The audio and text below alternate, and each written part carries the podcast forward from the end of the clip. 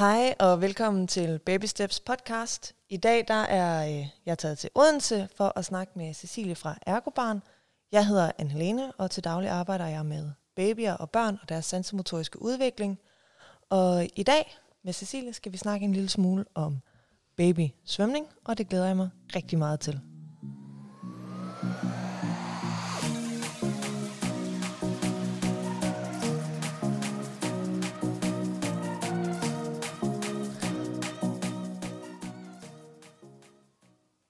Som sagt er jeg nu taget til Odense for at snakke med Cecilie fra Ergobarn, og øh, det her, du har klinik og ja. arbejder, og du er uddannet ergoterapeut i 14, og øh, kunne du ikke have lyst til at fortælle en lille smule om, hvordan du arbejder som ergoterapeut med børn? Jo, det kan du tro. Ja, jeg har øh, ergobarn, hvor jeg både har nogle øh, individuelle forløb med de helt små babyer og børn og unge op til 17 år. Det er alt fra sansintegrations øh, vanskeligheder Ja. Til mere øh, generelt øh, mundmotoriske problematikker osv. Mm. Så har jeg øh, et lille sådan, øh, bibeskæftigelse, kan man næsten kalde det, Ja, som øh, babysvømningsinstruktør. fedt. Det er gennem noget, der hedder Aquababy. Ja. Hvor jeg så har fået fornøjelsen af at, at komme ind i varmen hos dem, og har også hjulpet dem godt på vej i forhold til, hvordan kan, kan babysvømning egentlig se ud, når man prøver på at sætte nogle andre fagbriller på. Ja, lige præcis. Og jeg elsker jo babysvømning. Nogle ja. af jer, som måske også har fulgt med på min YouTube-kanal, kan se, at det er mit, det er mit hjertebarn. Det er ja. Ja. ligesom der, jeg er startet med at være selvstændig også. Øhm, så hvordan arbejder du som ergoterapeut? Tænker du, at vi arbejder anderledes med babysvømning, end måske andre faggrupper gør det?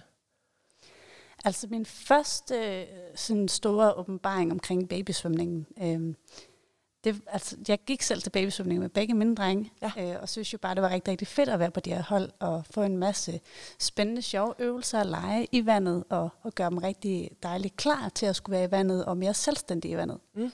Men det, jeg savnede, det var, at der var noget begrundelse for, hvorfor er det, vi gør sådan her? Ja. Hvad er det egentlig, det gør godt for? Og man kan ikke nå særlig meget på de der få minutter, man egentlig er i vandet, og der er måske en, der græder og så videre. Men ligesom med alle andre holdformer, så skal der være noget, noget god øh, forklaring bag. Også Ja. fordi det er nemmere for forældrene at tage det med hjem og sige, okay, jamen vi gør faktisk det her en årsag, og det kan faktisk netop tages med hjem også, så vi kan lave det her, den her øvelse i badekarret, eller det er faktisk noget, vi kan lave på land, Mm. som stadigvæk understøtter den motoriske udvikling. Lige præcis. Noget af det, jeg selv har set, når jeg har arbejdet rundt inde i DGI-byen, både øh, som instruktør selv, men også når jeg har gået rundt som livredder, før jeg blev færdiguddannet, det var, at der var rigtig mange, altså ikke, at der er noget galt med sangleje, men der var rigtig mange sangleje og, mm. Og lege, som for mig så ud til. Jeg havde i hvert fald svært ved at se, hvor, hvad pointen med lejen var, Ja. i forhold til, hvad man ellers kunne finde på. Ikke? Mm. Altså, så hvordan tænker du, at du bruger vandet aktivt, når du laver babysvømning? Altså jeg vil sige, jeg har stadigvæk masser af sangleje med. Mm. Øh, det synes jeg jo stadigvæk er super vigtigt, også for at understøtte deres sproglige udvikling. Mm. Men jeg vil altid øh, gøre mit ypperste for lige at få sat nogle ord på, både øh, før og efter øh, aktiviteten og lejen, i forhold til, hvad, hvad er det her for en leg? Hvorfor er det, at vi laver den her leg? Og hvad er det egentlig, det, det gør godt for dit barn? Ja. Og hvis det er, at lejen skal gradueres, Ja. hvordan er det så, at vi kan gøre det? Fordi tit og ofte, på vores hold i hvert fald, der kan vi have de helt små babyer ned omkring de der 8, 10, 12 uger. Mm. Og så kan der altså godt være nogen, som først er startet, når de er omkring 6 måneder. Okay, Og så, I er har der et blandet stort hold. spring. Ja. Spændende. Nå, men det er jo lidt en anden måde at gøre det på, end ja. Ja. der, hvor jeg kommer fra, hvor vi har sådan meget aldersinddelt Ja. øhm, undervisning. Øhm, så de her lege, som, som du ligesom går ind og laver, Mm. hvordan tænker du, at det at være i vand kan overføres til at være på land også? Ja, altså jeg, det kommer meget an på den enkelte leg, øh, først og fremmest. Mm. Men jeg prøver altid på sådan at sige, okay, hvad er det så for eksempelvis, at, øh, at den her leg er god for i forhold til, øh, om det handler om, at de skal kunne kravle op på en plade, for eksempelvis, når vi når så langt, at de kan begynde sådan rigtig at få godt fat, Mm. og nogle af dem også begynder at hive sig op, og måske endda kravler helt op. Ja, så det er omkring ved de otte måneder cirka, Ja. at de sådan rigtig begynder at trække sig selv op, ikke? præcis. Ja. Men allerede fra, når vi starter med, at de bare øh, i gåsøjen skal have fat i den her kant, Mm. og altså introducere kanten for dem, både selvfølgelig for noget selvlivredning, når vi engang når så langt, men også i forhold til at få fat i noget fast, få den her taktile stimuli, som jo sagtens skal overføres til hjemmet og alle andre steder, og det her med sådan at få, få griberfleksen i brug igen, Mm. få, få det her rigtig, rigtig gode greb, få trænet finmotorikken lidt, at få styrket armene og sådan prøve at komme lidt fremad og op. Ja. Så det behøver altså ikke bare lige at være, at øh, nu, nu svømmer vi rundt her for, for sjov og ballade, og ingen ved, hvorfor vi egentlig gør det. Nej. Øhm, jeg havde også, øh, inden øh, alt det her lockdown, havde jeg en far, der sådan spurgte, øh, hvor- hvordan kan det egentlig være, at vi skal gå til babysvømning med vores børn? Øh, og jeg synes jo, det var et super godt spørgsmål. Øh, lidt sjovt, at han stillede mig det, fordi jeg har jo ikke tvunget dem til at komme. Nej. Men, men jeg tænker, der er mange derude, som, som går til stimulastik eller babysvømning, fordi at det gør de andre. Det er sådan noget, man skal. Ja. Øh, og der er rigtig mange, der, der ikke rigtig ved, øh, hvad, hvad er det egentlig, det gør godt for. Lige Præcis. Og det er sådan blevet min sådan kæphest, at jeg sådan prøver på at, at forklare, hvad er det, det kan hjælpe vores børn med, både øh, sensorisk og moto- motorisk i deres udvikling. Lige præcis. Noget af det, som, som jeg også tænker i forhold til det, du siger her, det er jo, at det her med at holde fast, for eksempel. Mm. Altså, der har vi jo mange måder i vandet, hvorpå vi kan arbejde med at holde fast. Altså, at vi har en kant, vi har en plade, vi har måske en lille plade, Mm. og så har vi forældrene selv og deres hænder. Ja. Hvor meget arbejder du i forhold til at have børnene så fri i vandet som muligt, i forhold til måske mere i et fastere greb? Altså, hvad tænker du i forhold til, hvordan forældrene holder børnene? Jeg går meget op i allerede fra første gang, at de kommer i vandet, og, og, og minde dem om og vise dem, at de skal holde et løst greb. Mm. Selvfølgelig er det ikke noget med, at vi skal stå der, og de smutter fra os, men at vi ikke sådan skal fastholde dem og fastlåse dem. Netop fordi, at de små sig, altså, føler sig fastlåst og ikke kan bevæge sig ordentligt. Mm. Øh, og jeg har sågar også set, at, mødre, der holder så godt fast, at de her små arme jo bliver sådan helt blålige, fordi blodgennemførsel bare, altså, ja. Ja. Øh, fordi man netop passer så godt på sit barn, ikke? og måske selv synes, at det her med at være i vand, det har aldrig været ens store force. Nej. Øhm, så- og det kommer stille og roligt naturligt, og og jeg er god til sådan at, at gå rundt igen og, og minde folk om, sådan, husk at løsne grebet, øh, hold så, så let ved dem som muligt, Mm. fordi at de også skal have lov til selv at udtrykke sig og finde ud af, hvad er det her egentlig for noget vand, og hvordan kommer jeg egentlig lidt fremad her. Ja. Så jeg arbejder meget med, med selvstændigheden med, med de små i vandet, også selvom de er bitte, bitte små. Ja, og det kender jeg godt også noget af det, som jeg arbejder rigtig meget med i forhold til forældrene, når de kommer i vandet. Mm. Det er ligesom at indlede med en lille smule humor og fortælle, at babysvømning er jo en af de mest populære aktiviteter at gå til. Og den vil ikke være blevet så populær, hvis babyerne de døde af at gå til babysvømning. så det er okay at slappe en lille smule af, okay at og de må af. gerne sluge lidt klorvand. Det tager de Ja. heller ikke skade af, fordi det er også et sanseindtryk, de så får, når de, når de smager på vandet og på Mm. mors hånd, som smager af klorvand lige pludselig. Ja. Ja. Ja, så de der forældre, som er sådan lidt mere tens, ja. det kan selvfølgelig godt være det er ens største opgave den første gang, ligesom at få dem til at være Mm. trygge. Ja, lige præcis, lige præcis. For en ting er det der med, at de sådan, altså holder rigtig godt fast på deres børn, men så holder de dem også rigtig højt oppe, sådan, så det nærmest kun lige er knæene, der kommer i i vandet. Og de har selv skuldrene sådan helt oppe under ørerne og får sådan nogle rigtig dumme spændinger i nakke og det hele. Øh, Så jeg arbejder rigtig meget på at sige til dem, både første gang, anden gang og tredje gang, måske endda også, når de har været der otte gange, Ja. at øh, husk, vi skal lige slappe lidt af, vi skal ned i vandet og skuldrene med, for jo mere I slapper af, jo mere slapper jeres børn også af. Ja.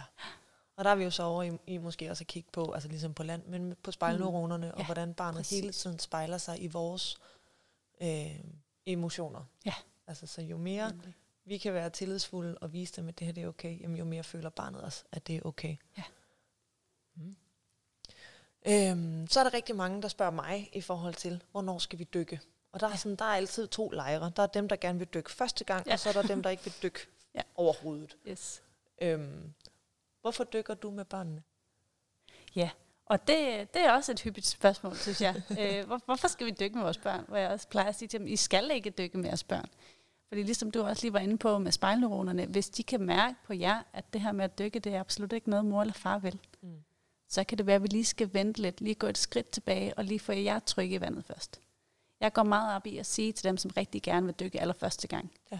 at det er vigtigt, at børnene føler sig rolige og i trygge rammer, inden vi begynder at udforske det her under vandet. Fordi det jo altså sætter nogle helt andre ting i gang i det her lille bitte hoved. Ja.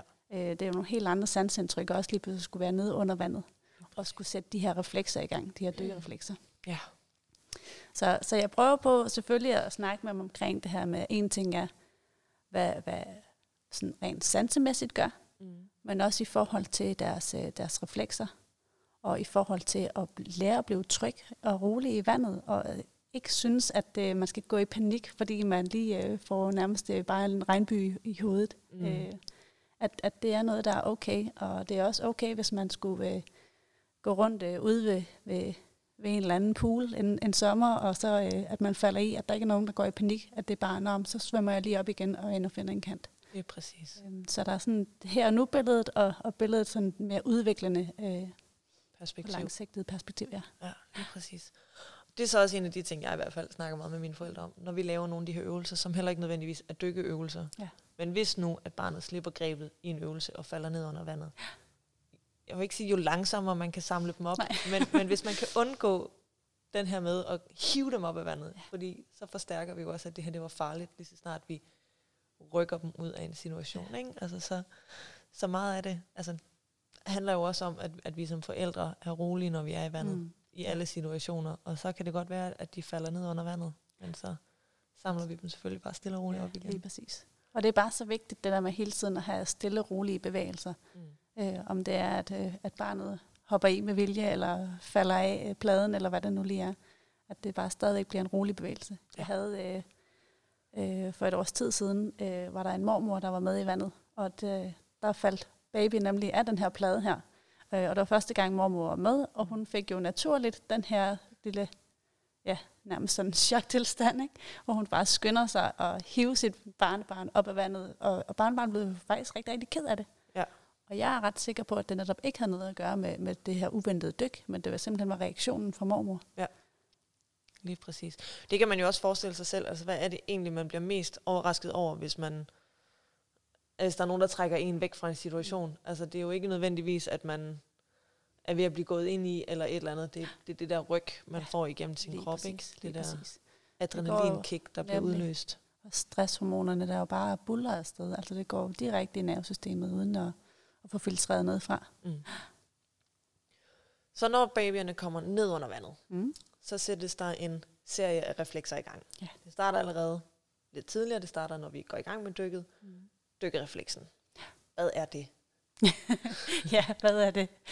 Jamen, det er jo noget, som, som de små bruder, øh, og man må være så fræk at kalde dem det. Det må man gerne. allerede har med øh, inden fra ja, den, den, den, den spæde, spæde tid inde i livmoderen, ja, lige ja. præcis. Der har de jo været vant til at svømme rundt i deres egen lille swimmingpool. Mm. Øh, så nu kommer de her. Og man kan sige, noget af det, som, som undersøgelsen i hvert fald også viser, det er, at øh, jo tidligere man starter til babysvømning, jo bedre og nemmere kan det være for de her små faktisk at, at aktivere dykkerefleksen hurtigere. Mm. Øhm, fordi noget af det, som jeg også ved, du også har været inde på tidligere, det er det her med, at det er jo ikke en refleks, der nogensinde forsvinder. Nej, og det, vi, det er jo noget, man tror. Ja. Der er rigtig mange. Det er sådan en, en myte, der er derude. Ja. Dykkerrefleksen forsvinder. Ja. Det gør den ikke. Nej. Det er noget, vi altid har med os. Ja, undskyld. Ja, nej, nej, nej det, men jeg synes nemlig bare også, at det er så vigtigt lige at få konstateret det her med, jamen, det er altså ikke fordi, at øh, jamen, hvis vi så først starter, når, når baby er 8 måneder, eller måske endda er blevet et år, ja, så nu kan vi ikke lære at dykke, fordi at øh, dykkerefleksen den er væk. Mm. Det er den ikke. Nej. Men det kan godt være, at det sådan tager lidt ekstra tid både at skulle gøre barnet mere tryg i vandet, fordi man måske er lidt mere bevidst om, hvad det er, der sker, og åh, nu kommer den her vandkande og hælder vand over mig, eller hvad det nu lige kunne være.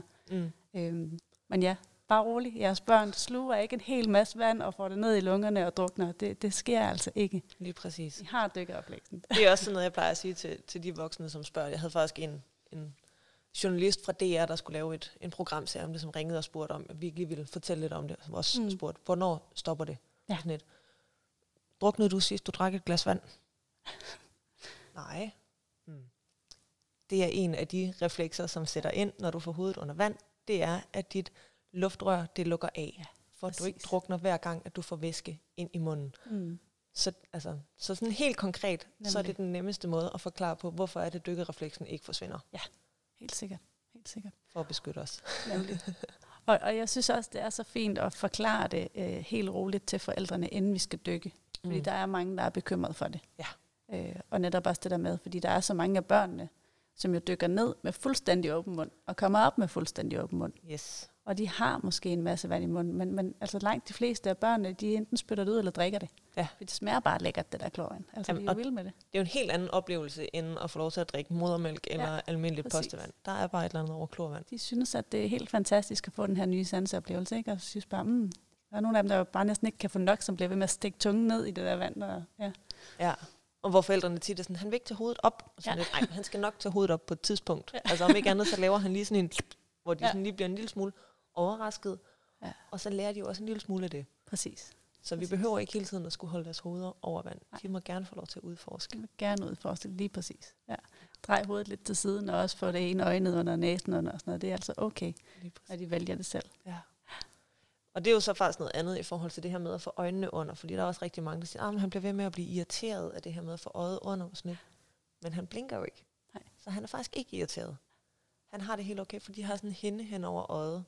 Jeg er ikke helt styr på, hvornår den forsvinder, men er det omkring et halvt års tid eller sådan noget, at der Jeg er stopper den. ikke der. 100% sikker. Der er, der er noget der omkring Ja. eller sådan noget. Men i hvert fald, børn generer sig ikke på samme måde af det der vand i, i øjnene. Nej.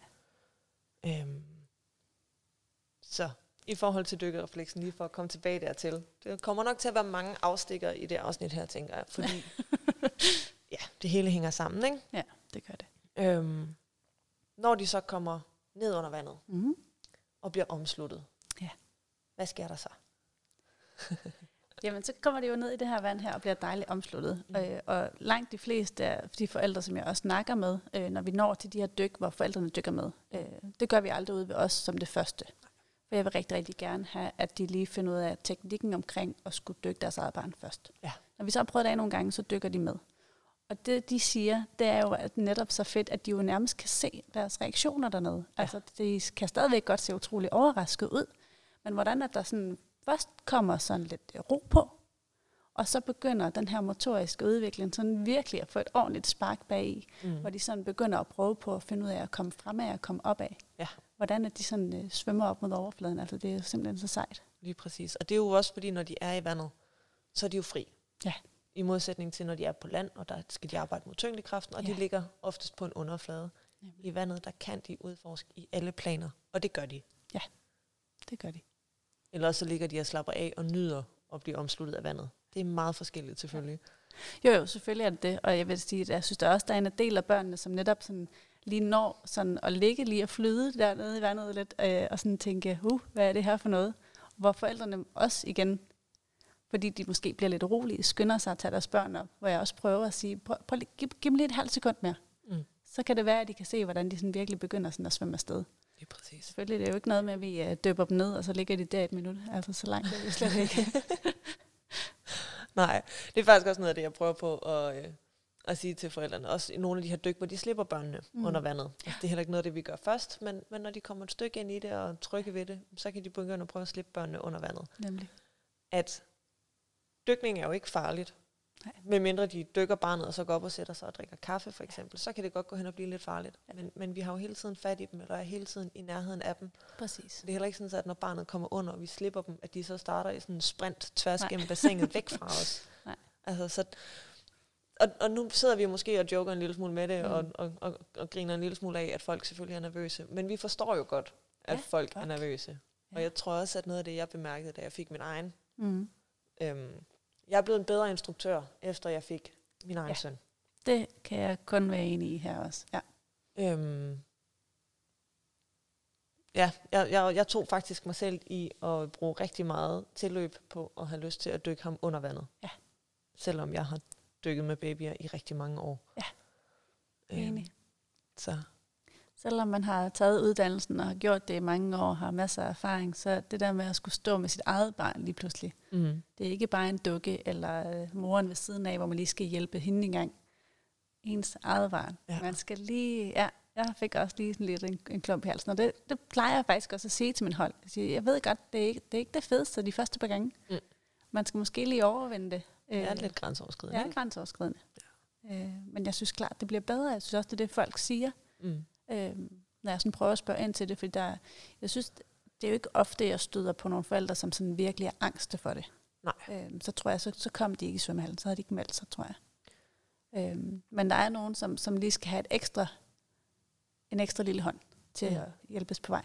Ja. Og, og der plejer jeg lige sådan at følge op med dem hver gang. Og der er også nogle gange, hvor jeg står ved siden af dem ved hvert dyk. mm, Øh, fordi de, det er de mest trygge ved mm. øh, de første gange. Det er okay, det er grænseoverskridende, men det bliver bedre. Lige præcis.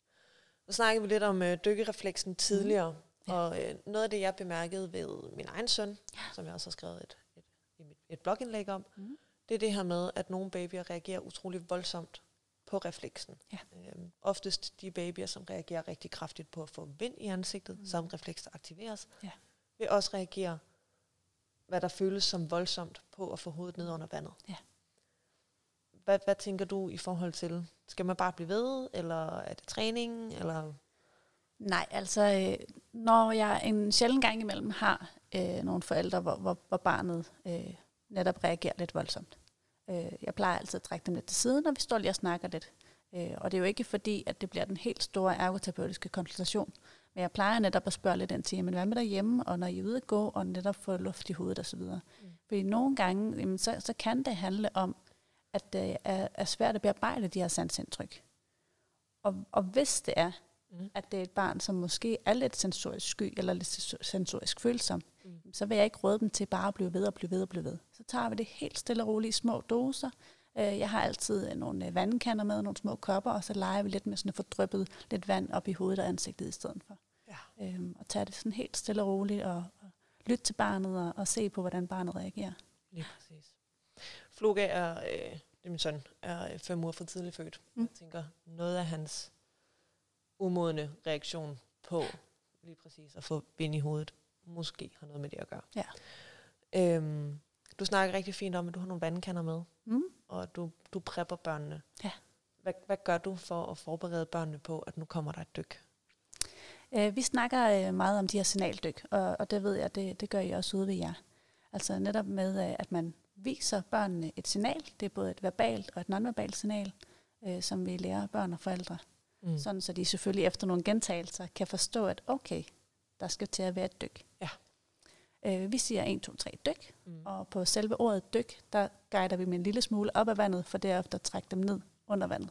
Så det er ikke sådan et stort hop, men det er bare lige sådan en lille nonverbal gestus. Lige præcis. Øhm, øh, vi puster ikke i hovedet, øh, som jo er det, man jo ellers har gjort øh, i mange, mange år. Jeg ved også, der faktisk stadigvæk er steder, der gør det. Og rigtig mange, der stadigvæk gør øh, det. Ja, og det er jo sådan lidt, øh, altså igen, skal vi ikke sidde og grine af, hvordan øh, tingene hænger sammen, eller joke, øh, eller noget som helst. Øh, for det, det fungerer jo. Det er jo ikke det. Det, det udløser jo refleksen. Men, men barnet har bare ikke nogen ærlig chance for at hverken at sige fra eller til. Mm. Det er noget, der bare lige pludselig sker. At mor eller far puster ind i hovedet, og så rører man ned under vandet. Ja. Og så kommer der sådan lidt den her... Det er jo ikke engang en forsinket reaktion, for man kan først nå at reagere, når man så kommer op igen. Mm. Men jeg har set uh, børn, der har været sådan 2, 3, 4, 5 år, som sådan er blevet sådan nærmest helt angste for at komme i svømmehallen. Mm. Fordi at lige pludselig så er det mor eller far, de, øh, de puster med hovedet, og netop den bare blinker sammen, og ser sådan helt stiv ud. Ja. Øhm, så ja, vi lærer dem et signaldyk, mm. og får dem stille og roligt ned i vandet. Og igen, jamen, første gang er det helt overraskelse. De ved jo altså ikke, hvad der skal ske. Nej. Øhm, de lukker stadigvæk af. Øhm, så det er ikke igen, fordi at der kommer en masse vand ned i lungerne. Heller ikke, selvom de har åben mund. Heller ikke, selvom de har åben mund. Nej, lige præcis. Så det kommer også lidt op i næsen og så videre. Øh, men det skal nok komme ud igen, eller blive øh, komme ned i mavesækken. Ja. ja. Så det er ikke sådan så, at de tre timer efter, de har været til dykning øh, eller til svømning, og har fået en lille smule vand i næsen, at de så begynder sådan at udvise drukne øh, symptomer derhjemme? Nej, heller. nej, nej, heller ikke. Nej. nej. Det havde jeg engang en mor, der havde læst om, at der var det her øh, forsinket drukning. Okay, Nå. ja. ja. Det, havde Ej, det... Jeg, altså, det har ikke så meget erfaring med, hvordan det lige hænger sammen i forhold til. For jeg har ikke rigtig oplevet det, og jeg tror, det er så sjældent et fænomen, at, at det ikke rigtig er noget, vi har beskæftiget os mm. så meget med, i hvert fald i det byen regi. Ja. Ja. Så. Jeg vil sige, altså udover det her med at dykke, og om de lukker af, øh, så synes jeg, at de forældre, jeg møder, noget af det, de er mest bekymrede for, det er vand i ørerne. Ja. Øh, og åh oh nej, nu får mit barn jo mellemørsbetændelse, og nu skal vi have dræn, og så skal vi aldrig bade igen. Ja. Det er også sådan en, en gennemgribende øh, misforståelse, synes jeg. Ja. Øhm, det er til gengæld måske en misforståelse, der stammer fra, at rigtig mange, som i hvert fald altså på min alder, øh, og den generation, der har været rigtig meget på charterrejse måske, mm. da de var børn, er kommet hjem med en mellemørsbetændelse. Ja. Og det har noget at gøre med, at når man er på Kreta eller Gran Canaria eller lignende, og bader i en udendørspool, så er der nogle helt andre klorværdier, fordi der er nogle helt andre bakterieværdier. Mm udendørspools er generelt sværere at balancere rent klormæssigt, fordi at man ikke kan styre miljøet. I modsætning til inde i en svømmehal, hvor vi sørger for, at babyerne har korrekt badetøj på, mm. så de ikke kommer til at skide i vandet. Hvis de skider i vandet, så lukker vi bassinerne, og så sørger ja. vi for, at så klorniveauerne er så små. I forhold til det, at der er altså ikke, og, og, bakterieniveauerne for den Mm. sags skyld også. Så der er altså ikke noget, der går ind og laver en irritation ind i øregangen. Nej. Nej, præcis. Og man behøver ikke stå med en vatpind og øh, tørre dem bagefter. Nej. Bare lad dem lufttørre. Ja. Det, det, jeg plejer at snakke med nogle af forældrene om, netop hvis de øh, er lidt bekymrede stadigvæk, selvom jeg siger noget af det, som du lige har fortalt her, mm. så er det også det her med, jamen altså, du kan jo godt, når du alligevel tørrer dit barn, og du tørrer håret, jamen så kan du godt med håndklædet lige duppe ind ved øret. Men nej, du skal ikke tage en masse vatpinde med, og så bare stå der og, og, og prøve på at rense det hele ud. Nej, det, så irriterer du bare endnu mere. Præcis. Ja. Øhm, ja. Jeg tager lige tråden et øjeblik der. det kan ske. Kom lige ud på et tidsspor om nogle ører der. Ja, undskyld. Øhm, det gør ikke noget. Altså, øhm, der er jo også i forhold til ørerne, bare lige for at blive her et Mm. øjeblik, der er jo også rigtig mange grunde til, at de er så nervøse for det, er fordi, at der har været en stor, det er et, et, et, et stort problem for rigtig mange børn, at de mm. Er ørebørn. Ja. Øhm, og det har jo selvfølgelig også en betydning for både deres sprog og deres, faktisk deres sansemotoriske Ja. udvikling, hvis ikke de kan høre. Ja. Fordi inde i øret, der sidder vestibularsansen. Mm. Og den er ret vigtig. Den er rigtig vigtig. Hvordan arbejder vi med vestibularsansen i svømmehallen? Jamen, vi arbejder jo med den i faktisk alle vores bevægelser. Fordi lige så snart hovedet er i bevægelse, jamen så er det, at vi går ind og, og giver nogle input, nogle stimuli netop til den vestibulære sans. Mm. Så det er jo altså, om vi, vi svømmer afsted derude, hvor de egentlig mere eller mindre bare ligger stille og roligt på en plade, hvor det er os, der bevæger dem rundt, eller at det er dem, som får lov til at svømme frit, og når vi for eksempel lige har dykket, og vi har sluppet dem, øh, om det er, når vi er ude at snore, når vi hopper, og så videre. Mm. Så faktisk i, i alle vores bevægelser. Jeg prøver også på sådan virkelig at få sat nogle, nogle gode lege ind, hvor øh, mor og far også får lov til rigtig at få stimuleret deres sanser. Netop fordi, at, at den vestibulære sans for voksne øh, tit og ofte øh, er lidt øh, nedadgående, fordi vi bliver lidt kedelige og glemmer at dreje og hoppe og snore. Øh, så det er præcis. træning for både store og små. Ja, det er også, altså jeg prøver også øh, både det, men også at få noget, især til mødrene, når de kommer med, med småbørnsholdene. Mm. også fædrene for den sags skyld, men at få snedet noget bækkenbundstræning Ja. med ind i Ja. øvelserne. Når vi nu alligevel er i gang med at løfte bør på vores børn, Ja. så kan vi lige så godt lige Ja. komme hele vejen rundt. Nemlig. Der er så nogen, der synes, det er sådan lidt, det var ikke det, jeg meldte mig til. Nej, præcis. Den har jeg også fået på et tidspunkt. Jeg har altså ikke meldt mig til sådan noget efterfølgelsestræning. Ja, det, det er det egentlig heller ikke, men det er en god vane lige at huske at tage med videre. Ja. Lige præcis. Så, i forhold til det her cue, eller mm. det her øh, signaldyk. Ja. Hvordan tænker du i forhold til, at vi bruger det fremadrettet? Så hvad er, hvad er planen, når man nu har givet dem det her cue? 1, 2, 3 dyk. 1, 2, 3 dyk. Yes. Ja, lige præcis. Jamen efter nogle gentagelser, så begynder barnet jo så at forstå netop den her, det her cue. Mm. Sige, okay, så nu, nu, nu ved jeg, at når min mor eller far siger det her, så er det faktisk fordi, jeg skal til at dykke. Mm. Så enten, så kan man sige fra og sige, det har jeg ikke lyst til lige nu, mor og far, og så skal man selvfølgelig respektere det. Og hvordan siger de fra? Ja, det er meget forskelligt. Der er jo selvfølgelig dem, som sådan, øh, kan vende sig lidt væk. Øh, og det er der rigtig mange forældre, der ikke helt, øh, øh, synes jeg, har erkendt, at øh, hvis barnet kigger væk, så er det måske, fordi barnet ikke er klar. Ja. Øh, jeg har også nogen, som sådan, øh, kan fryse helt. Som sådan bliver sådan, de, de kan jo se helt angst ud. De fryser fuldstændig og bliver sådan helt stive i det. Og så, øh, men jo større de bliver, der er der også nogen, der øh, altså virkelig ryster på hovedet, og måske endda begynder at sige noget nej, nej, nej. Mm. Øhm, så jeg synes, der, der er jo flere forskellige måder at, at se og høre det på. Og selvfølgelig forældrene kender deres børn bedst. Men jeg har da også nogle gange været nødt til lige at gå en runde og, og lige snakke med nogle af dem, hvor jeg i hvert fald har set noget andet, end det mor og far har set. Ja. Og det er jo også typisk der, der kommer en reaktion efter dykket, hvor barnet faktisk ikke havde lyst. Mm.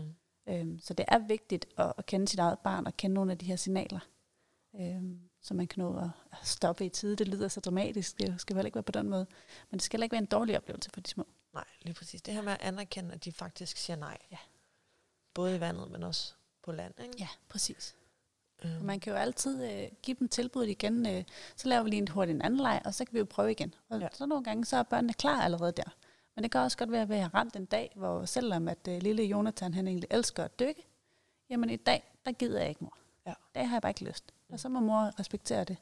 Og så kan det være, at han er klar igen ugen efter. Lige præcis. Jeg har også prøvet med nogle af de, øh, på de senere hold her, at lave lidt sangleje omkring det at dykke, så det ikke bare er sådan en... Fordi nogle gange kan det også være svært i en svømmehal at fange børnenes opmærksomhed. Ja, altså, så det er ikke nødvendigvis, fordi de ikke har lyst til at dykke, men bare fordi, mor, din, jeg, jeg ved, du er der, ja. så jeg behøver ikke kigge på dig lige nu. Nej. Jeg vil hellere kigge på den røde vandkande ja. herover. Præcis. Men det her med, at man så forsøger sådan helt intenst at stå og få barnets opmærksomhed, kan være rigtig svært. Ja. Hvorimod lige så snart man går ind og laver en sangleg eller et eller andet, jamen så engagerer man egentlig barnet og inviterer det ind ja. på en helt anden måde. Nemlig. Og der kan barnet stadigvæk, når de så kender cueet, man har sunget sangen for eksempel, øh, og så jeg tæller 1, 2, 3, ja. så kan de stadigvæk nå at kigge væk, ja. eller sige nej, eller hvad de har lyst ja. til. Men tit er det, har jeg i hvert fald oplevet, at det er en nemmere måde sådan at, hmm. at få dem med ind. Ja. Og så også ja. nogen, der synes, det er skide irriterende at skulle synge, øh, ja. inden man skal dykke, og ikke rigtig ja. forstår den. Og det er også okay, ja. at man hellere bare vil være ved tælle. Ja, helt sikkert, helt sikkert. Og der er jo både, øh, om det er barnets præferencer, men selvfølgelig også om det er forældrenes præferencer. Ja. Øh, jeg plejer også at sige, jamen, øh, altså, så vidt det er muligt selvfølgelig, og sådan at prøve at dele holdet lidt op. Øh, I hvert fald når jeg har haft nogle gange, og når der kommer nogle genganger, så kender man selvfølgelig også hinanden lidt bedre. Så jeg netop ved, jamen okay, jamen der er nogen her, som at, at det her dyk, det fungerer bare ikke lige for dem. Mm. Men så kan man jo altid lave det af de andre dyk. Så det er ikke fordi, man sådan 100% slavisk skal stå og lytte til, hvad, hvad jeg siger og gøre, som jeg gør. Mm. Øh, men, men når de efterhånden har fået nogle forskellige redskaber og fået flere forskellige dyk, så kan man jo så bare tage det de andre dyk i stedet for. Men der præcis. er nogle børn, som jo bare vil have det vildere og vildere, og altså kastes med. Kastes med, og altså virkelig nærmest øh, stå øh, oppe ved far op på kanten, og så blive kastet helt langt ned i, og så står mor for nærmest flere meter væk, så de kan, kan svømme rundt. Altså, der er jo nogen, der virkelig skal have det vildt. Lige præcis. Øh, og der er nogen, der skal have det meget stille og roligt, som synes, det er helt fint at bare lave basaldykket igen og igen, og det, så er det sådan, vi gør det. Lige præcis. Så nu har vi snakket en hel masse om at dykke. Ja. Men dykning er jo, selvom det måske er den mest kendte ting mm. ved babysvømning, så er det jo en meget lille ting ja. i babysvømning. Det er det. Fordi hvad arbejder vi egentlig rigtig meget med? Eller hvad arbejder du rigtig meget med? Ja. det er ikke nødvendigvis det samme. Nej, nej, nej, selvfølgelig, selvfølgelig. Jeg kender ikke lige dit program og så videre. det gør jeg heller ikke altid selv, før jeg nej, står i vandet. Nej, nej, nemlig. Jeg har også altid planlagt et rigtig fint program, og det er så ikke altid, at det sådan helt holder. Mm. Øh, ja. Nej, vi arbejder selvfølgelig rigtig meget med deres motoriske og sensoriske udvikling. Vi arbejder rigtig meget med kontakten og relationen forældre og barn imellem men også øh, børnene imellem faktisk. Ja. Øh, selvfølgelig, når de bliver lidt større. Ja. Øhm, fordi så ikke en tre måneder, hvor de er ikke sådan stadigvæk... Ikke tre måneder, nej. Men når vi sådan, øh, ja, i hvert fald over seks måneder, hvor de virkelig synes, nu er det netop rigtig sjovt at kigge ud til de andre babyer. Ja. Det er og også det er der, vi ser dem være mest interesserede i legetøjet. Præcis, præcis. Nu har de fundet ud af, hvordan de rigtig får fat i legetøjet, og også selv får det op til deres mund, eller måske endda får sluppet det og prøvet at finde det igen. Øhm, så, så jo altså en masse færdigheder, som vi jo også arbejder med øh, op på land, mm. faktisk. Men hvor vi nu tager det ned i et helt andet øh, scenarie, ja. hvor vi er nede i det her dejlige varmevand og er sammen på en mere nærværende, intim måde egentlig, øh, i hvert fald sådan mor-barn eller far-barn. Ja. Øh, selvfølgelig igen på hold. Øh, så, så der er jo en del i vandet, men man kan sagtens, hvis man går ind i sit eget lille rum nede i vandet der, morbarn eller farbarn, så er, det, så er det altså rigtig intimt, øh, og masser af hud mod hud, og det er bare altså, helt fantastisk mulighed. Ja. ja, altså vandet er jo også et af de steder, hvor det er allersværest at komme til lige at blive distraheret af sin telefon, fordi det er meget ja. sjældent, selvom mange ja. telefoner i dag kan komme bare en lille smule med i vand, mm. så er det sjældent, at man har den med i bassinet. Ja. Man skal også bruge oftest et par hænder til sådan ligesom at være sikker på, at babyen ikke falder i. Så, så tit er de her 25 minutter plus minus ja ja, de er jo meget kvalitetsrige, ja, tror jeg, man kan det. sige. Ikke? Jo, helt sikkert. Og det er ikke fordi igen, at man skal ikke sidde her og skælde skærmtid helt vildt meget ud, øh, men, men, men det frarøver bare tid og nærvær med de små, ja. hver gang vi tager den telefon eller iPad frem. Ja. Altså, jeg er ikke overhovedet heldig. Jeg sidder tit med min telefon. Mm. Altså, jeg er også en af de møder, der går med en en lille klump i maven på, om, om Floke en dag han tegner en tegning, og så har jeg sådan en uh, telefonskærm som hoved i stedet for. ja. Altså fordi ja. jeg sidder meget, også kvæg, at jeg forsøger mm. at komme ud online og, og have en tilstedeværelse ja, og, og give præcis. råd videre. Så sidder jeg meget i min fritid, ja. siden af mit arbejde, og forsøger at, at lave nogle posts. Ja. Og det er jo også tid, som, som hvor jeg er sammen med ham. Ja, ja lige præcis. Så det kan være svært at jonglere det hele. Men det er stadig en fin lille pointe, at nej, den, den har du jo ikke med i vandet. Mm. Øhm, så du er sådan lidt mere tvunget ind i det her sådan nærvær. Øhm, og så synes jeg også, altså det er, jo, det er jo helt fantastisk det her, sådan, hvordan at man sådan, jeg vil ikke sige helt ligeværdigt samarbejde, fordi at far eller mor kan godt stå i vandet selv. Mm. Men, men igen det her med, sådan, at de små, de bare er så, altså et eller andet sted, så afhængige af deres forældre. Ja. Fordi jo, de skal løsne grebet så vidt muligt, og de børnene skal have lov til at være så frie så vidt muligt. Men de er også afhængige af, at vi ligesom står ved siden af og er klar til at hjælpe dem op. Lige præcis. Det er lidt smukt. Det er meget smukt. Altså, jeg øh, elsker at være vand, og jeg har det rigtig hårdt lige nu med, at Mm. vi ikke kan komme i vand, og Ja. at otte uger uden vand, det synes jeg har været rigtig, rigtig længe. Ja. Og jeg kan også mærke, at Floke savner det. Ja. Fordi, altså, nu er han jo noget større, men, men han har de fedeste lege, Ja. når han er i vandet. Nu Ja. er vi så nået dertil, hvor han er blevet halvandet. Så når vi er i svømmehallen, så har jeg faktisk ikke særlig meget fat i ham. Nej. Og bevæger os egentlig mest rundt på det lidt lavere vand. Mm. Der er mange, der spørger, uh, de skal også lære at svømme. Ja. Men for at lære at svømme, skal de jo have kontrol over deres egen krop i vand. Yes. Så hvad sker der, hvis man, jeg ved ikke, hvor meget du har de større børn, men hvis man putter svømmevinger eller et bælte på øh, barnet, og siger, så lærer vi at svømme. Jeg er rigtig glad for, at du spørger om det. Det er også et, igen et af de steder, hvor jeg jo synes, at øh, vi har været fejlinformeret i, øh, i lang, lang tid. Øh, og øh, jamen, altså, som helt almindelig mor eller far, hvor skal, man, hvor skal man vide det fra? Altså, man har selv været vant til at have svømmevinger på, det har jeg i hvert fald. Øh, og når det var min mormor, jamen, så var det jo både vesten og vingerne og badering, så jeg nåede nærmest ikke at få rumpen ned i vandet. Øhm, og alligevel lærte jeg svømme. Det, det kan jeg godt lade sig gøre. Men, men når vi giver dem alle de her ting på, for det første, hvis det er vingerne, det synes jeg jo virkelig er den største synd af dem alle. Ja. Øh, fordi det fastlåser armene fuldstændig, og du hænger og flyder på sådan en helt unaturlig måde. Øh, så, så altså, læg dem væk med det samme. det, Fordi, hvor er det vores basistyngdepunkt helst skal være? Ja, men lige præcis. Vi skal jo have den altså, altså i vores core hele vejen ned langs øh, rygsøjlen. Det skal være noget alignment i det her. Mm. Vi kan ikke have det hænge op i skuldrene og sørge for, at vi flyder rundt derop. Altså det dur ikke. Mm. Øh, og det er også derfor, at når vi får det her bælte på, jamen så får vi den også øh, placeret forkert. Øh, for det første, fordi at så enten så sidder det så løst, at det så igen rører helt op under armene, og så fungerer det lidt ligesom vingerne, eller så sidder det så stramt, at det sådan sidder gnaver ned, ned ved maven. Men hvor du også sådan får, altså det kommer til sådan at sidde rundt om dig, i stedet for sådan på langs. Mm. Øhm, så man lærer ikke på samme måde at finde det her balancepunkt. Øh, Og noget af det, man måske også skal kigge rigtig meget på i forhold til, at børn de skal lære at svømme, jamen det handler også om, at de skal lære at svømme med hovedet. Og med hovedet ned i vandet. Ja. Ja. Fordi hvad sker der, når man tager hovedet op af vandet? så skubber man så skubber numsen man ned. Ja, præcis, præcis. Og det er jo ikke fordi, at, at børn, der har, ikke har gået til babysvømning og har dykket til babysvømning, at de så ikke kan lære at dykke. Altså Nej, nej, nej. man kan sagtens lære at, øh, at dykke med dem kan langt man. senere også. Ja. Øhm. Men lidt tilbage til babyerne, tænker jeg. Fordi det er trods alt der, hvor vi sådan ser de fleste sådan have interessen, også når de er på barsel Mm, og sådan noget, ja. og det er en god aktivitet at gå til. Ja, nemlig.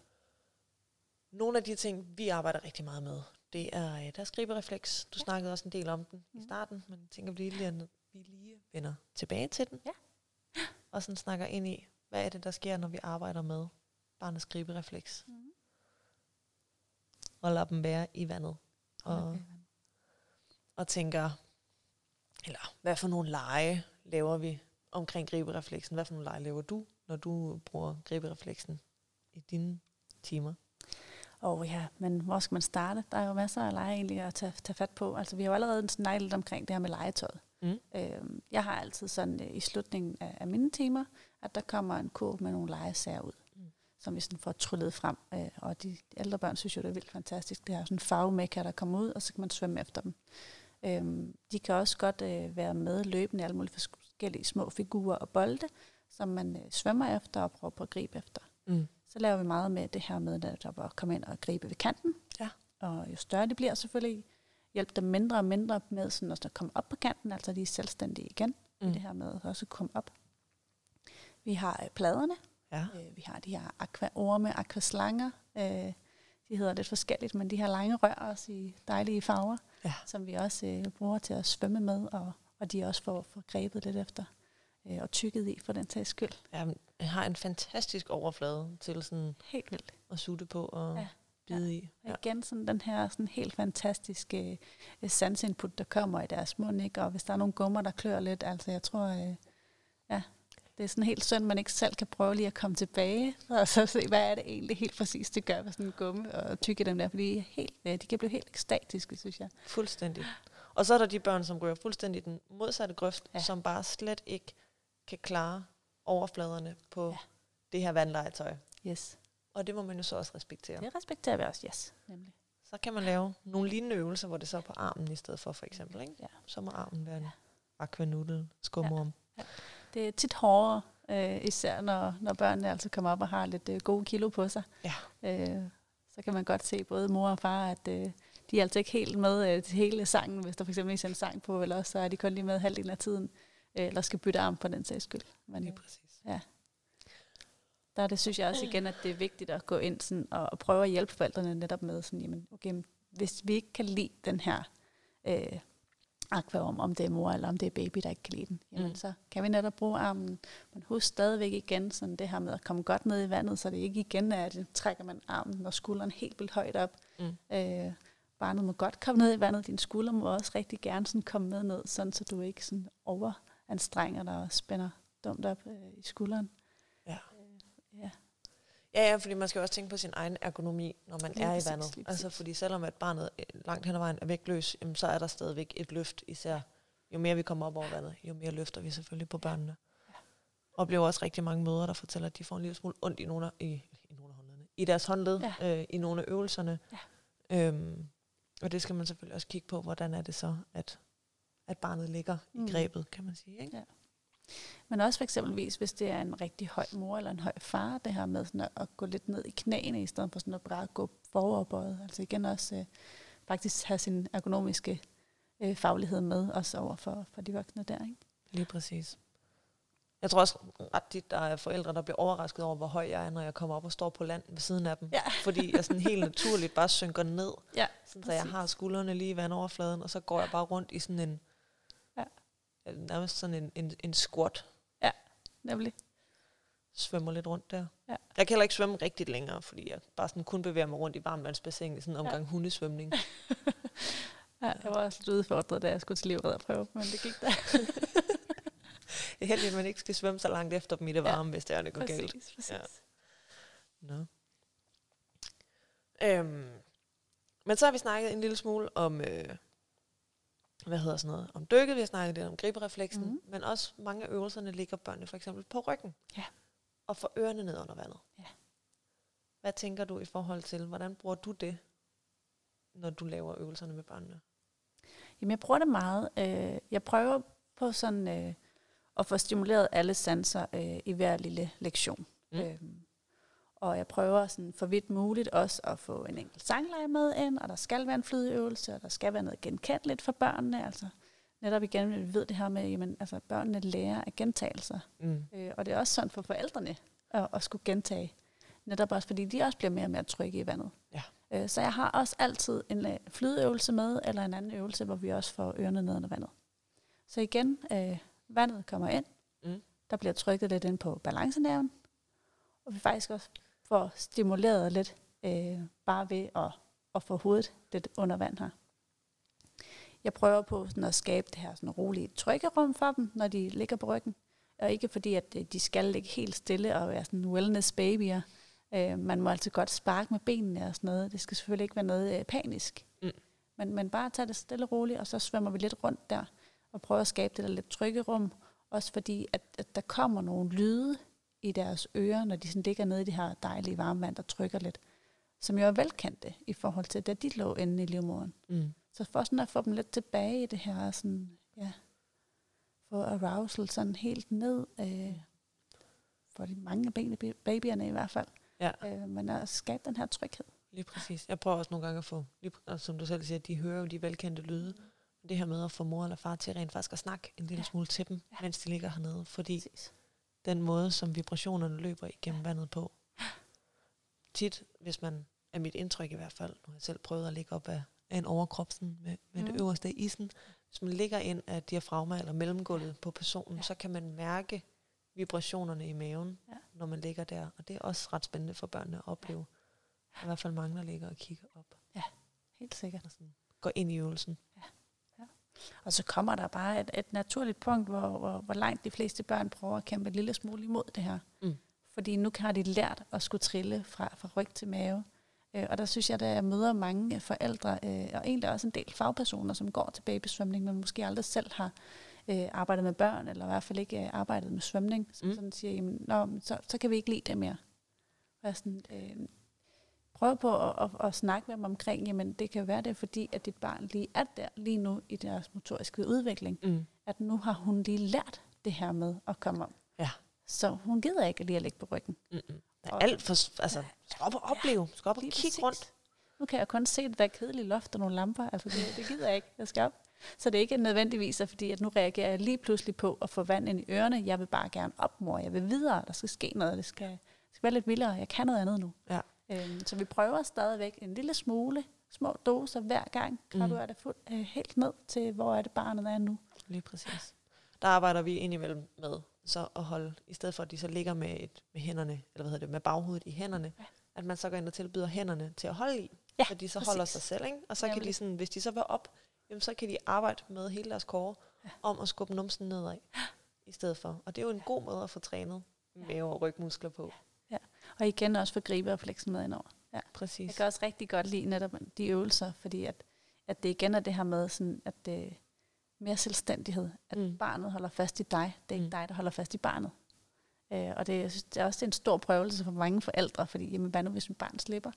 Jamen, så hjælper vi bare stille og roligt op igen. Så ja. får vi bare et lille, et lille dyk. Ja. Det er okay. Så samler vi dem op igen. Ja. Og siger, uh, uh. Ja. ja. så nogle gode lyde, når man er svømmehal. Ja, ja, ja. Eller når man er sammen med sine børn generelt, tror jeg ja, måske gode bare det. lyde og god mimik også. Ja. Øh, ja. Jeg brugte engang udtrykket, at man skulle være vulgært glad. Ja. Når man er i svømmehal. Det er et godt udtryk. Ja. Beskriver det meget godt, tænker jeg. Ja. Øhm, jeg har rigtig god erfaring med børn, som ikke vil ligge på maven derhjemme at de gerne vil ligge på maven i vandet. Ja. Det tænker jeg, det har du sikkert også. Ja, det har jeg også oplevet flere ja. ja. ja. Fordi hvad er det, der sker, når vi har dem i vandet, versus når de ligger måske derhjemme på gulvet? Jamen, det kommer jo meget an på, hvordan vi selvfølgelig har dem i vandet. Men igen det her med, at vi tager lidt, øh, nærmest lidt af tyngdekraften fra dem, at de bliver lidt mere flydende. Der kommer ikke det samme tryk ned på deres mave, når de ligger her. Mm. Øh, de ligger i det her dejlige varme vand, og selvfølgelig hvis de er, er vant til også at, være i vandet og er rolige ved det, jamen så, så bliver det altså bare rigtig trygt for dem at være der og kunne se sin mor eller far og svømme rundt sammen med dem. Øh, for noget andet er det selvfølgelig, hvis vi bare tager en af de store plader frem, og så ligger dem på maven der, øh, jamen der synes jeg tit og ofte, at det så er, at, at, at det samme, mm. øh, man vil se som derhjemme på, på gulvet. Ja. Øh, men der er det jo også igen, og så tager vi jo faktisk vandelementet lidt væk fra dem. Ja, så det eneste vandet gør, det er jo egentlig bare at lave en... bølger, ja. ja, nemlig. Jeg tænker også, at forældrene tit, når de så har dem liggende i vandet på maven, at de naturligt kommer med ned i øjenhøjde. Ja. Jeg ser også nogen, hvor, hvor barnet så bare ligger og kigger ind i ja. maven og sådan lidt. Ja. Ned i knæ, og så ja. ud i strakte arme, så I kan man, se Man hinanden. skal sige det overraskende mange gange de første par gange, synes jeg. Sådan, husk ned i knæene, ja. så i øjenhøjde. Ja. Lige præcis. Det der med, at man hele tiden, især i vandet, men altså, eller, eller generelt, babyer, som har er trygge, mm. har ikke brug for helt så meget øjenkontakt, fordi de ved, at man er der. Ja. Men når man er i vandet, især de første gange, jamen, så er det jo super vigtigt, at vi hele tiden er der til at gribe barnets øjenkontakt. Øhm. nemlig. Ja. ja. Og jeg synes, jeg oplever ofte det her med, at øh, og det skal ikke være noget med at være på barsel, at det er noget med, så mandag skal jeg gå til det, og tirsdag det, og onsdag, og så er hele kalenderen fyldt op. Mm. Men, men jeg synes jeg også, jeg oplever sådan en... Øh, en gængs forståelse af, at øh, så kan man gå til babysvømning, så kan man holde en pause, så kan man måske gå til noget babymotorik eller stimulistik. Øh, og hvor jeg prøver på at snakke lidt med forældrene omkring, jamen, hvad er det egentlig, øh, svømningen gør, hvad er det, stimulistikken eller motorikken gør, og hvordan det er, at de faktisk arbejder sammen. Mm. Øh, netop fordi jamen, det er jo mange af de samme ting, vi træner, men på, stadigvæk på forskellige måder. Ja. Så det, det er kun en god idé faktisk at gøre det sådan lidt hånd i hånd. Mm. Øh, fuld forståelse for, at man ikke lige har lyst til at gå til to ting oven i hinanden, men, men jeg synes også, det er synd det her med, sådan, at man så fravælger lidt det ene frem for det andet. Mm. Øh, Det er selvfølgelig også et spørgsmål om, om, om midler, ikke? Jo, jo, selvfølgelig, Det kan også selvfølgelig. blive en dyr fornøjelse at være Ja. på barsel, hvis man både skal Helt gå til sikkert. CrossFit Moms og ja. babysvømning og, øh, jo, helt sikkert. og alting, ikke? Men, men jo, altså det her med, at man, man er jo, langt hen ad vejen er man jo på barsel for at sikre, at barnet Ja. får den bedste start på livet. Nemlig. Og jo mere vi kan gå ind og styrke og være der for dem, jamen jo tryggere børn har vi også, når vi skal aflevere dem i vuggestue første gang, eller dagpleje, eller hvor de skal hen, hvis, Ja. hvis man, medmindre man hjemmepasser selvfølgelig. Ja. Altså, så jo mere vi kan være sammen med dem og give Mm. mm. dem en, en sansemotorisk god start Nemlig. Ja. ved at engagere dem. Og det behøver heller ikke at være, at man går på hold. Nej, nej. Altså, øh, det har vi jo fået bevist i de her øh, coronatider, at man kan lave rigtig meget online. Ja. Øhm, Ikke svømning. ikke s- online svømning er lidt svært. Ja. Men nu bliver det snart sommer, og så kan man jo overveje, om, man øh, overveje lidt. Ja. hvad man kan finde på at lave, fordi svømning behøver heller ikke kun foregå i et klorfyldt bassin Nej, i en svømmehal. Nej, nej, bestemt ikke, bestemt ikke. Og igen prøver jeg også bare at sige jamen, øh, til forældrene, at de her øvelser styrker det her i forhold til finmotorikken for eksempelvis, og hvordan vil I så kunne gøre det derhjemme, altså på land, sådan så det jo igen ikke handler om, jamen nu, øh, nu har I ikke været til babysvømning i syv uger, Mm. så, så nu, øh, nu kommer jeres barn bagud i udviklingen. Sådan skal det jo heller ikke være. Øhm, og og sådan, sådan kommer det ikke til at ske. Men netop det her med sådan prøve at forklare igen, hvad er det øvelsen egentlig gør godt for, sådan så de tager det med hjem og faktisk overfører det til nogle af de aktiviteter og lege, de kan lave derhjemme. Ja. Fordi det en ting er at gå til babysvømning en gang om ugen, men man vil rigtig gerne have, at det jo faktisk er nogle øvelser og, og noget, de sådan, øh, leger og træner derhjemme. For det er der, det batter. Basically så er babysvømning, stimulastik og alle de her ting, det er jo inspiration Det er inspiration. Ja. til, hvad man kan lave derhjemme. Altså jeg er uddannet både babysvømmeinstruktør og stimulastikinstruktør, og jeg var fuldstændig blanko, da jeg sad derhjemme i sofaen med ammehjerne på, Ja. hvad jeg skulle finde på. Altså så var det jo super fedt at komme afsted på et hold, ja, præcis. hvor man også var sammen med nogle mennesker, og babyerne kunne spejle sig i hinanden. Nemlig. Øhm, nu snakker vi rigtig meget om det her med sansemotorisk udvikling og sådan nogle ting, og der er det måske også vigtigt at sige, jeg læste en artikel, som der var nogen, der havde skrevet om, at det var vigtigt, at man fik gjort øh, trænet tingene på et bestemt tidspunkt i barnets udvikling, fordi ellers så missede man et vindue. Det er altså ikke sandt. Øh, bare lige sådan, hvis der er nogen, der frygter, at ej, dammit, nu missede jeg lige vinduet for det her, så nu lærer barnet aldrig at gå, eller et eller andet. Altså hjernen er plastisk. Hmm. Så børnene lærer selvfølgelig hele livet, og det samme gør vi også som voksne. Altså vi kan også godt, hvis vi aldrig har kunnet stå på hænder, hvis vi vil det, så kan vi også godt lære at stå på hænder, Hmm. selvom vi er blevet voksne for eksempel. Ja, jamen, det er også rigtigt.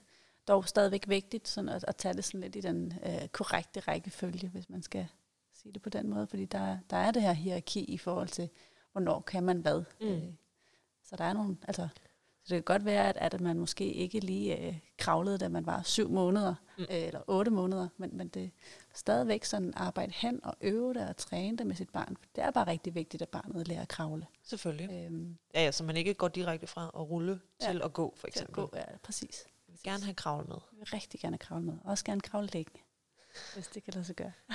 Ja. Ja. og så er der nogen, der ikke kravler så længe. Ja. Og så kan man heldigvis træne krydsbevægelser på andre måder. Andre måder. Fordi det er jo derfor, vi gerne vil kravle. Ja. Det er for krydsbevægelserne. Det er krydsbevægelsen. Og rigtig god kår. Jeg har sådan et barn, han kravlede øh, meget kort. Til gengæld så klatrede han rigtig tidligt. Ja. Ja. Øhm, Der var også bare så dejlige krydsbevægelser i det at klatre. præcis. Så tænkte han, han skal nok blive til noget. Ja, det skal nok gå. Godt, jeg tror, vi er nået rigtig fint rundt om det. Jeg ved ikke, om du har et eller andet her til sidst, du gerne vil tilføje. En eller anden myte, som du gerne vil have aflevet inden for babysvømning, eller noget, som du synes, der er vigtigt at pointere. Nej, jeg synes, vi er kommet godt rundt omkring de myter, som vi netop øh, tror begge to har, har brændt lidt inde med, at man rigtig gerne vil have ud til Ja. mangfoldigheden, at øh, det er altså en myte, det her. Det her det er en skrøne, og man kan gøre det på den her måde osv. Ja. Øhm, jeg er altid spændt på at høre andre folks spørgsmål, og hvis du får nogle spørgsmål ind, så må du jo også rigtig gerne sige til, for så vil jeg jo gerne være, være med til at svare, hvis det er. Det synes jeg, vi skal helt klart lave et shout-out, at hvis Ja. folk har spørgsmål, så skal de sørge for at stille dem. Ja. Og øh, Helt sikkert. inden jeg lige siger, hvor I kan stille dem, så vil jeg gerne lige aflive, øh, eller fraråde, når vi nu har snakket så meget om, at man kan træne de forskellige ting derhjemme. Man skal ikke dykke sin baby i badekarret. Det er rigtigt. Og det er fordi, vi vil gerne have, at der er bevægelse, når vi laver et dyk, og det kommer der ikke i badekarret. Nej. Så derfor, Træn det på alle mulige andre måder. Eventuelt en spand vand med i badekarret til 1, 2, 3. Hæld vand hen over barnets Ja. hoved, når de bliver lidt større. Lad dem hælde vandet selv, Ja. men lad være med at dykke dem. Ja, Ja, det er er heller ikke dybt nok. Nej, det er nemlig ikke dybt nok. Vi vil gerne have dem 20-30 cm ned under vandet minimum. Ja. Så medmindre du har et spabad, der er meget dybt, så skal barnet altså ikke under derhjemme. Godt. Hvor kan man skrive til dig henne? Hvis nu man bor i Odense og omegn, eller hvis du kører ud, hvor kan man så få... Det gør jeg. Jeg kører hele Danmark, øh, Okay, men øh, det er mest Fyn, at jeg bliver kontaktet her. okay. Og hvor kan man finde dig henne? Man kan finde mig på ergobarn.dk, Ja. eller på ergobarn på øh, Instagram, Ja. eller på Facebook. På Facebook. Ja. Og du hjælper børn helt op til de er 17 år. Helt op til de er 17 år. Jeg arbejder rigtig meget med sansemotorik, sansintegration og primitive reflekser. Stærkt. Og øh, jeg kan findes på Instagram og Facebook under snabelag babysteps.dk, og ellers så kan I klikke ind forbi min hjemmeside, baby, baby-steps.dk. Og øh, jeg bliver på Fyn øh, et ganske øjeblik, og det gør jeg, fordi at øh, jeg skal snakke med en anden ergoterapeut herover, og øh, det glæder jeg mig rigtig meget til, og jeg håber, I vil høre med i næste uge. Hvis I har spørgsmål, så lov mig, at I skriver og stiller dem, så skal vi nok tage dem op. Tak for i dag, og hej hej. Hej.